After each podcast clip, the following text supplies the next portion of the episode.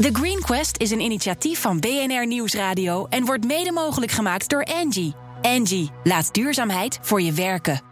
BNR Nieuwsradio. The Green Quest. Edwin Mooibroek. We hebben nog maar een jaar om de klimaatdoelen van 2020 te halen. In de Green Quest zoeken we naar de meest gedurfde innovaties die ons daarbij gaan helpen. Het wetenschappelijk medisch tijdschrift The Lancet publiceerde een rapport van de Lancet Commission on Food, Planet and Health. En in het rapport staat een duurzaam dieet beschreven, waarmee we ervoor zorgen dat er in 2050 voor iedereen voldoende eten is, zonder dat we de aarde uitputten. De Nederlandse organisatie Green Dish houdt zich bezig met de transitie naar een duurzame voedselvoorziening en kan vertellen hoe we dit dieet in onze eetcultuur gaan verwerken. En de oprichter is Joris Heijnen. Welkom. Even kort, wat is Green Dish? Greenish helpt voedselaanbieders om gezonder en duurzaam eten te serveren.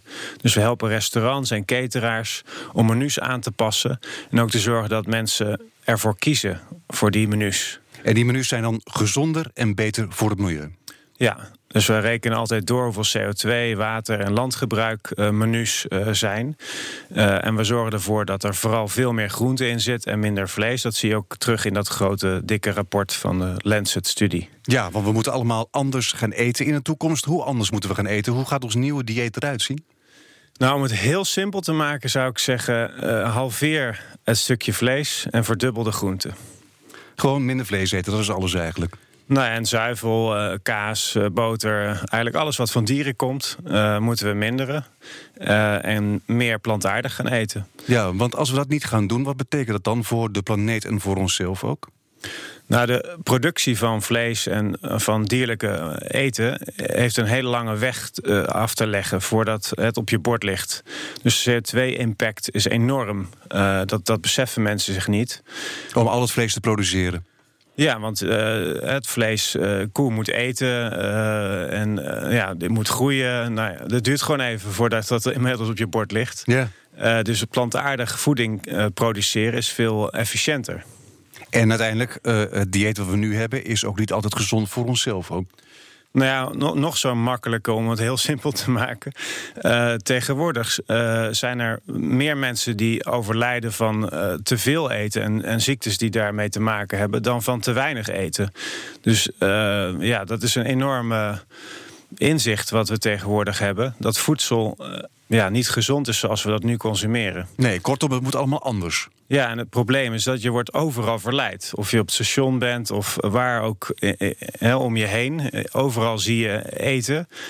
En we zijn nou eenmaal ja, impulsief. En, en als we honger hebben, dan is die verleiding heel moeilijk te weerstaan. Ja, dus de meeste mensen weten ook wel dat we anders moeten eten, dat we minder moeten eten, dat we minder vlees moeten eten, dat het eigenlijk slecht voor ons is. Um, is er genoeg bewustzijn daarover eigenlijk, ook over de milieu-impact van hoe we nu eten? Ik denk dat die steeds groter wordt. Uh, en, en dat is ook heel belangrijk. Alleen ik denk dat bewustzijn alleen niet genoeg is. Dus dat uh, vooral heel erg aanbodgericht veranderingen nodig zijn. Dus dat steden en aanbieders van voedsel... dat die uh, het aanbod moeten veranderen. En op die manier eigenlijk vanzelf, onbewust... gaan mensen gezonder en duurzamer eten. Dus als het anders wordt aangeboden, dan, ja, dan kunnen wij het niet anders natuurlijk ook. Nee, dat, dat, dat, is ook. Nou, je, je, hebt altijd de keuze. Je kan nog steeds ongezonde en gezonde uh, dingen kiezen. Maar als het aanbod van gezond en duurzaam groter wordt, dan kies je ook vaker en word je vaker verleid. En wij helpen eigenlijk die voedselaanbieders om het zo te presenteren, om het menu zo te maken dat mensen dat ook gewoon lekker vinden en willen. Ja, want is het nu niet een beetje hip en voor de elite om daarmee bezig te zijn met het duurzaam te eten? Nou, als we de wereld willen redden, dan moet het iets van iedereen worden. En maar mensen willen gewoon lekker eten. En dat is ook, hè, als je een avond uitgaat of naar een restaurant, dan, dan wil je gewoon een leuke avond uit en lekker eten. Dus daar moet het ook over gaan. En het is de verantwoordelijkheid van die chef om daar iets gezonds en duurzaams neer te zetten. Ja, dus eigenlijk moet je het gewoon anders aanbieden. Dat is het begin om ons aan ander eten te krijgen. Want binnenkort moeten we inderdaad uh, minder vlees, uh, meer groenten, meer peulvruchten. Ja, er is nog hele weg te gaan om ons van de friet en de steek af te krijgen, natuurlijk ook. Nou ja, dat, dat uh, lijkt zo. Want eigenlijk ja, kan je ook aantonen dat mensen het eigenlijk net zo of nog lekkerder vinden als je dus meer groente serveert en minder vlees. We hebben daar onderzoek naar gedaan, samen met Wageningen Universiteit en Louis Boek Instituut, een aantal bedrijven, om in verschillende settingen, van een restaurant tot een uh, buffet, waar je dus zelf kan kiezen wat je eet en hoe vaak je opschept, tot broodjes bij de lunch. Mm -hmm. om de gerechten en de broodjes aan te passen. En dan hebben we de situatie voor en na. Dus voor was gewoon de oude situatie. Evenveel vlees, evenveel groente als altijd. Met de kroketten en met de steaks, ja? Nou ja, inderdaad. De steaks, uh, de broodje bal, uh, het broodje met uh, zalmfilet... Mm allerlei situaties hebben we getest. En dan blijkt gewoon, als je die verhoudingen verandert... en dan echt flinke veranderingen in doorvoert... dan zie je dat mensen 113% meer, vlees, uh, meer groente eten. Wat, wat hebben jullie precies gedaan dan? Leg nog eens uit. Aan de, aan de ene kant lag dus de gehaktbal en de kroket. En, en een stukje verderop, wat lag daar dan? Nou, eigenlijk hebben we een, een lange periode uh, de oude situatie onderzocht. Uh, en dus niks aan de menus veranderd. En we hebben een periode de broodjes aangepast. En de, en de, en de buffetten en, en de gerechten in restaurants. Mm -hmm. En uh, bezoekers weten dus van tevoren niet wat ze voorgeschoteld krijgen. Ze gaan gewoon een leuke avond uit of lekker aan het lunchen. En de ene keer de ongezonde en de andere keer de gezonde hap. En achteraf vragen, wat vond u ervan? En? Nou, dan blijkt dus dat mensen nog blijer zijn met de presentatie en de smaak van die nieuwe receptuur. En hebben ze ondertussen 113% meer groente gegeten en 13% minder vlees. Dus mensen reageren er positief op. Ja. Ze zijn niet uh, teleurgesteld dat hun toene dood toevallig niet op de menukaart stond.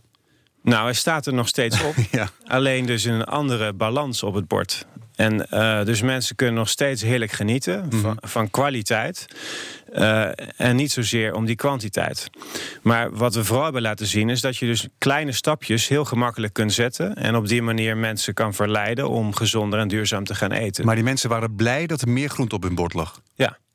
Echt waar? De, de smaak en presentatie, ja? de, de bewaardering daarvan, die steeg. Mm -hmm. In drie van de vier onderzoeken. En waarom gebeurde bij dat ene onderzoek niet? Omdat daar te weinig aandacht besteed was aan die groenten en aan die smaak en die presentatie. Dus dat blijkt ook uit onderzoek. Het is heel belangrijk als je minder vlees gaat serveren, dat je echt iets lekkers maakt van de groenten. Ja, dan zijn mensen teleurgesteld en dan pikken ze het niet. Nee. Uh, hoeveel CO2-uitstoot kan je als, als, als restaurant of als cateraar uh, besparen of niet uitstoten als je dat zo verandert? Nou, met hele kleine aanpassingen kan je zo een factor 5 of factor 10 uh, aan CO2 besparen. Dus ondanks die, die, vermeerdering van groenten en vermindering van het vlees, kan je dus enorme impact maken. En mensen weten dat niet. Dus met een hele kleine aanpassing, enorme impact voor het milieu. Ja, zijn er heel veel restaurants op deze manier bezig? Nou, restaurants zien wel de trend dat mensen gezonder en duurzamer willen eten. En spelen hier wel op in. Maar als we kijken naar uh, de metingen die wij doen in restaurants en in de, in de horeca, dan zie ik dat uh, nog steeds uh, 200 gram vlees wordt geserveerd. En waarom is dat dan? Gewoonte. Uh, de oude gedachte dat, dat vlees en vis het onderdeel is van het gerecht waar mensen voor komen. Ja, dus dat blijkt maar weer dat het eigenlijk heel moeilijk is om, om, om, die, om die verandering teweeg te brengen. Om mensen anders te laten eten. Want restaurants, uh, voor hun is het een gewoonte. De klanten verwachten het ook. Het is heel moeilijk. Nou, daarom uh, kan je ofwel zeggen van nou, uh, als mensen persoonlijk iets meemaken in hun leven waardoor ze, hé, hey, ik moet nu echt gezonder gaan, gaan leven, of, of qua duurzaamheid valt ineens het kwartje, en dan kan je een flinke stap zetten door bewust om ja, menu te gaan veranderen. Dan zou je kunnen zeggen, we gaan vanaf nu de helft van, van vlees eten. En we gaan veel meer groente eten. Maar dat gebeurt niet bij iedereen. Dus het is heel belangrijk dat dus het aanbod in al die settingen echt verandert. En steden kunnen daar een hele belangrijke rol in spelen. Gemeentes, provincies. Om transitieprogramma's op te zetten. Om samen ervoor te zorgen dat ja, er metingen worden gedaan in zo'n stad. Van hoe duurzaam zijn ze nu? En -hmm. wat zijn de eerste stappen? Wat, zijn de la, wat is het laaghangend fruit? Waar, waar restaurants en, en supermarkten. Want gemeenten moeten die restaurants eigenlijk gaan helpen, zegt u? Nou ja, de gemeente wil gezonde en duurzame stad zijn. Uh, gezonde burgers hebben. En, en ook de CO2 wordt een belangrijk thema voor steden en, en voor, voor provincies om daar echt aan te werken. Ja, dus zij moeten het faciliteren dat de restaurants meegaan.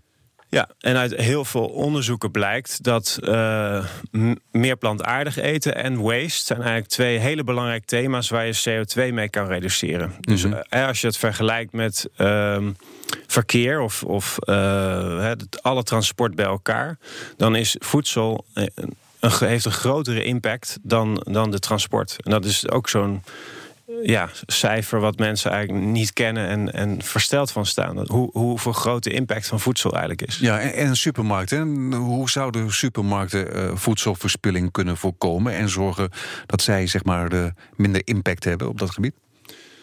Nou, de voedselverspilling in supermarkten is inderdaad een, een vak apart. Um, als ik kijk naar wat ze zouden kunnen doen op het gebied van um, meer plantaardig. Dan zouden ze de recepturen kunnen aanpassen. Dan zouden ze uh, maaltijdpakketten daar de recepturen in kunnen aanpassen. Dat mensen dus, die, die volgen die recepten. Dus als mensen op die manier minder vlees gaan kopen en meer groenten gaan, gaan toevoegen aan gerechten, heb je enorme impact gemaakt. Eigenlijk is het heel simpel. Je zet het mensen gewoon voor in een restaurant. Of je, of je, of je stopt het gewoon in een maaltijdbox en dan eten mensen het ook. Dus, dus op die manier is het eigenlijk uh, om mensen die, die verandering te laten maken. Ik denk dat dat een hele grote impact kan hebben als we met, met, met elkaar en, de, en, de, en de, de stad en de, en de bedrijven, als, waar veel mensen komen. Je ziet ook hè, steeds meer mensen gaan uit eten. Mensen bestellen ook, eh, thuis afgehaald, eh, noem maar op. Uh, dus de verantwoordelijkheid van, van die sector wordt eigenlijk steeds groter. Ja. Maar toch is het best moeilijk hè, om je aan een dieet te houden. Volgens dat nieuwe dieet wat in de Lancet eh, stond. Eh, minder vlees, meer groente, dat soort dingen. Sportdiëten zijn ook heel moeilijk om vol te houden. Mensen houden het soms een week vol en dan vervallen ze toch weer in het oude patroon. Nog een tip hoe je aan dat nieuwe dieet, hoe je dat kunt volhouden? Nou ja, ik denk het moet gewoon worden. Dus als je stap voor stap uh, uh, ietsje minder serveert op het bord. Of gewoon eens experimenteert. Als je uh, samen thuis eet en je koopt normaal één of twee zalmoten. koop er eentje minder. Of, of bewaar er eentje voor de lunch voor de dag daarna. En, en kijk dan hoe de maaltijd bevalt. En dan ervaar je dat het eigenlijk net zo lekker was. En dat je niks gemist hebt, gewoon lekker gegeten hebt. Uh, en dan heb je nog wat voor de volgende dag. Ja, eet je zelf al zo elke dag? Ik wel, ja. Ik doe mijn best. Ja, niks, ik, ik maak ook wel eens fouten natuurlijk. en ik uh, heb ook wel eens een keer een uh, snipperdag... of hoe noem je dat, met een balansdag... of hoe wil je dat noemen? Ja, een balansdag is dan de andere dag. Dat is dan de ongezonde dag. Of... Precies, ja. ja. Nou ja, ik denk, ik denk 80-20 regel. Als je, als je 80% van de, van de keren dat je eet goed doet... dan ben je al een heel eind. Oké, dankjewel Joris Heijnen van uh, Green Dish.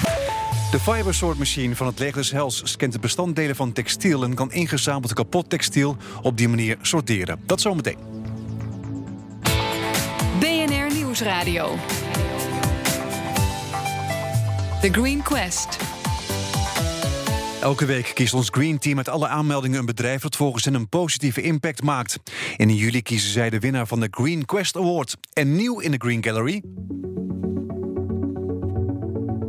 Europe and the US are throwing out more than 20 million tons of textiles every year. To reclaim these resources, textiles must be sorted by fiber composition. They can't run, they can't hide. This one is built for the hunt. Daredevil. Hound your rivals to fast track your rush tank. Round one. Fight. That's where the fiber sort comes in. The fiber sort is a revolutionary textile sorting machine that is changing the game. Together, brothers! You'll move. De Fiber Sort Machine. Ja, het klinkt uh, goed, uh, Jolande Uringa van het Leger des Heils. Wat doet die machine? Ja, die machine doet uh, precies wat het zegt. Dus het sorteert fibers, dus de vezels van textiel, naar grondstof. Dus denk aan katoen bij katoen en polyester bij polyester, wol bij wol. En zo staan er een legio bakken onder de machine. En die kan dan op basis van infrarood de stof lezen. En die gooit hem zo in de juiste bak. Ja, via infrarood kan die machine aflezen wat erin zit. Klopt, ja. Dus uh, zo werkt het. En dan met een blaassysteem uh, gaat het het juiste bakje in. En uh, dan krijg je dus bakken die uit allemaal dezelfde materialen bestaan. En dat is een hele belangrijke doorbraak, innovatie in het sorteren van, van textiel. Om uiteindelijk recycling van textiel mogelijk te maken. Ja, en dan gaat het om kleding die je niet opnieuw kan dragen. Ja, dan gaat het echt over. Uh, nou, mensen hebben een voorstelling van wat we ooit vodden noemden. Dus echt de kleding die echt versleten is en niet meer als tweedehands uh, de markt op kan. Ja, groeit dat aantal uh, kleding dat gewoon helemaal versleten is? Ja, dat aantal dat groeit fors. zo de afgelopen tien jaar zien we echt een stijging tot nou, misschien wel 20% van wat wij zo inzamelen bestaat echt uit kleding die niet meer geschikt is als herdraagbaar. Hoe kan dat? Ja, onze aanname is dat het komt omdat de fast fashion in die jaren ook enorm gegroeid is. Fast eh, fashion, zo van snel kapot, hup, weg ermee. Ja, echt slechte kwaliteit uh, textiel die de markt op komt. En ook nog in grote getalen gekocht wordt. Dus uh, we zien de groei ingezamelde textiel ook enorm stijgen bij het leger des Heils. Dat lijkt goed. Maar daarvan is het volume wat gewoon niet meer geschikt is... bijvoorbeeld voor onze tweedehands winkels... is ook steeds groter. Omdat ja, na een paar keer wassen valt het uit elkaar. En dan vinden we het ontzettend aardig... dat mensen het in de box doen van het leger des Heils. Maar jullie kunnen er ook niks meer mee? Nee, nog niet. Uh, maar de fiber uh, soort machine is daarom ook echt een hele belangrijke ontwikkeling. Want voorheen werd die textiel uh, vaak verbrand. Ja. Dan kun je zeggen, nou, er zit nog iets van energieopwekking in. Als het in Nederland blijft. Maar waarom, waarom verbrand? Uh, omdat er hier in Nederland geen andere toepassing voor is. Ja, als het niet gerecycled kan worden, dan, uh, dan is er niks anders voor. In het ergste geval gaat het de grens over. En dan wordt het misschien ergens op afvalhoop in het buitenland achtergelaten. Dus dat is iets waar wij echt nou ja, hoofdpijn van kregen. Ja, maar ik las, er zijn zuurbaden in Pakistan waar het, waar het naartoe gaat. Ja, als tweedehands kleding bijvoorbeeld wordt verkocht aan, aan echt nou ja, verreweg landen... dan kunnen ze daar ook niks met kapotte en versleten textiel. Hm. omdat ze die niet hebben zoals wij die nu kennen. Dus uh, dat betekent dat het daar of als landfill, dus gewoon op afvalbergen eindigt. Maar waarom gaat het daar naartoe dan? Nou, uh, in het verleden waren er natuurlijk best wel wat landen die nog uh, blij werden van onze tweedehands goederen. En die landen zijn er nog steeds. Wij vermarkten bijvoorbeeld ook wel naar Oekraïne, waar mensen echt wel blij zijn met jouw afgetrapte Nikes bijvoorbeeld. Ja, maar het gaat nu te snel kapot dat ze er ook niks meer mee kunnen. Exact. Dan. En als het echt stuk is, ja, dan hebben zij er niks aan. En dan, dan mag je echt grote vragen stellen. En dat, dat doet het leger de zelfs ook van. Maar waar blijft het dan uiteindelijk? Hè? Dan wil je het nog liever hier met energie terugwinning in Nederland verbranden. Mhm. Maar het allerliefste, en nou ja, daarom is het ook echt een doorbraak. Uh, wil je dat textiel dat versleten is, gewoon weer terug wordt gebracht in de textielketen. Want die is op dit moment verre van circulair. Ja, en jullie willen dus op deze manier uh, dat soort textiel ook gaan recyclen? Wij gaan zelf niet uh, recyclen. We zijn echt een inzamelaar. Maar we gaan het sorteerproces met de fibersortmachine echt tot een eindstadium brengen. Waardoor het voor producenten van textiel, misschien wel die fast fashion ketens, heel eenvoudig wordt om dus een, een van die bakken met die grondstof af te nemen. En daarvan nieuwe garens te produceren. Mhm. Mm -hmm. Zodat het op een gegeven moment heel gangbaar wordt dat als je een winkel binnenloopt, dat die kleding die daar hangt, weer bestaat uit een deel gerecycled uh, materiaal. Ja, en daarvoor moet het eerst gesorteerd worden, want anders willen ze het niet hebben. Exact, dan is het voor hun ook gewoon één berg met troep en er zit van alles doorheen. Onze kleding is heel erg zwaar uh, uh, gemixt met allerlei materialen. Ik heb toevallig iets aangedaan wat ook exemplarisch is. Je denkt dat je wol koopt, maar als je uh, door de machine laat gaan, dan blijkt het vaak gemixt met bijvoorbeeld plastic. Heel veel materiaal bestaat. Oh ja? Toch echt uit plastic. Uh, nou, we weten hoe, hoe zwaar vervuilend uh, uh, plastic voor ons allemaal is. Dat zit in die textiel en dat maakt het per definitie al heel erg lastig om gewoon met je blote ogen te zeggen: Oh, dit is een wollen trui. Nou, doen we alle wollen truien bij elkaar. Mm -hmm. Want dat, dat labeltje dat deugt vaak helemaal niet. Oh ja? Oké, okay. ik weet niet eens wat ik aan heb eigenlijk. Ik weet niet eens waar het uit bestaat. Nou ja, het zou misschien wel plastic Is het dan. leuk als alle luisteraars nu eens in hun eigen kleden duiken... Ja. om te zien wat ze aan hebben. Wij kwamen er dus achter dat het op basis van uh, mensenwerk... onmogelijk is om de kleding op die manier verder Mhm. uit te sorteren. En daarom hebben we met een aantal partijen de handen in één geslagen... om uh, uh, die machine te ontwikkelen. Want er bestond nog helemaal niet zo'n machine. Die machine bestond nog niet. Nee, dus we hadden gewoon een hele grote berg met afval... waar we eigenlijk mee overbleven. Um, en die machine maakt het nu mogelijk om dat machinaal te doen. Het gaat ook vele malen sneller dan wanneer mensen dat zouden doen. Als je al die labeltjes moet bekijken. En dan, klo dus en dan klopt het dus ook nog niet. Nee, nee. Dus uh, ja, het is een hele belangrijke ontwikkeling. Uh, de volgende stap is natuurlijk dat inderdaad die afnemers... die misschien nu nog alles nieuw laten maken... Uh, in landen waar de grondstoffen al schaars zijn... dat die straks bij ons in de rij staan en zeggen... nou, doen wij dan maar zo'n bak met wol... wat al een keer gedragen is... maar wat ik nog wel goed kan gebruiken voor mijn nieuwe wollen collectie. Maar hoe ontwikkel je zo'n machine met infrarood? Je probeert het gewoon uit? Nou, we hebben een bedrijf natuurlijk, dat zit in, in, in dat, die joint venture, uh, die hier uh, helemaal in thuis is en die de techniek beheerst. En het is inderdaad al een aantal jaren uitproberen. Eerst zorgen dat je een bak geld krijgt, want dat uh, staat bij het leger zelfs ook nooit mm -hmm. achter de deur. Um, en zo hebben we allemaal onze tijd en onze kennis hebben we erin gestopt met een aantal partijen. En ehm, daar komt de machine uit. Nou, elke week stelt een lid van het Green Team een vraag. Uh, en deze week komt hij van uh, Gerben, Gerben Jan Gebrandi. En hij is Europarlementariër van D66. De meeste kledingstukken tegenwoordig worden van meerdere materialen gemaakt. Je ziet bijna niet meer 100% katoen of 100% wol. Dus hoe gaat het Fibersort project om met al die samengestelde kledingstukken? En valt er dan niet heel veel van het textiel al af als je die niet kan sorteren? Nou ja, we zeiden het inderdaad al, veel textiel bestaat uit verschillende delen. Maar dat kan je dus inderdaad ook moeilijk sorteren. Dat konden we inderdaad heel erg uh, lastig sorteren. Dit is echt een hele goede vraag, want het is eigenlijk de aanleiding geweest van die uh, machine, van al die verschillende materialen. Je ziet het niet op het label en het is onmogelijk om dat met mensenoog waar te nemen. Maar die machine is dus helemaal ingesteld, ook op een mix van bijvoorbeeld 70% katoen en 30% polyester. Er is zelfs rekening gehouden met een foutmarge, dus misschien 98% van iets en dan stiekem toch nog 2% van iets anders. daar zijn dus allemaal verschillende codes voor aangemaakt, verschillende bakken. Uh, ja, dat is juist iets wat die machine dus nu mogelijk maakt. Ja. En wordt het ook al gebruikt, al die stoffen?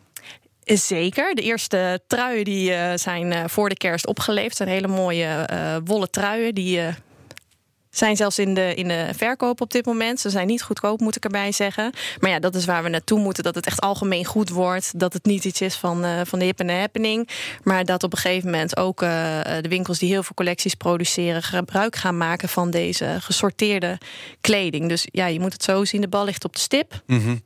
Met die machine maken wij het mogelijk dat alles tot in den treuren uitgesorteerd is.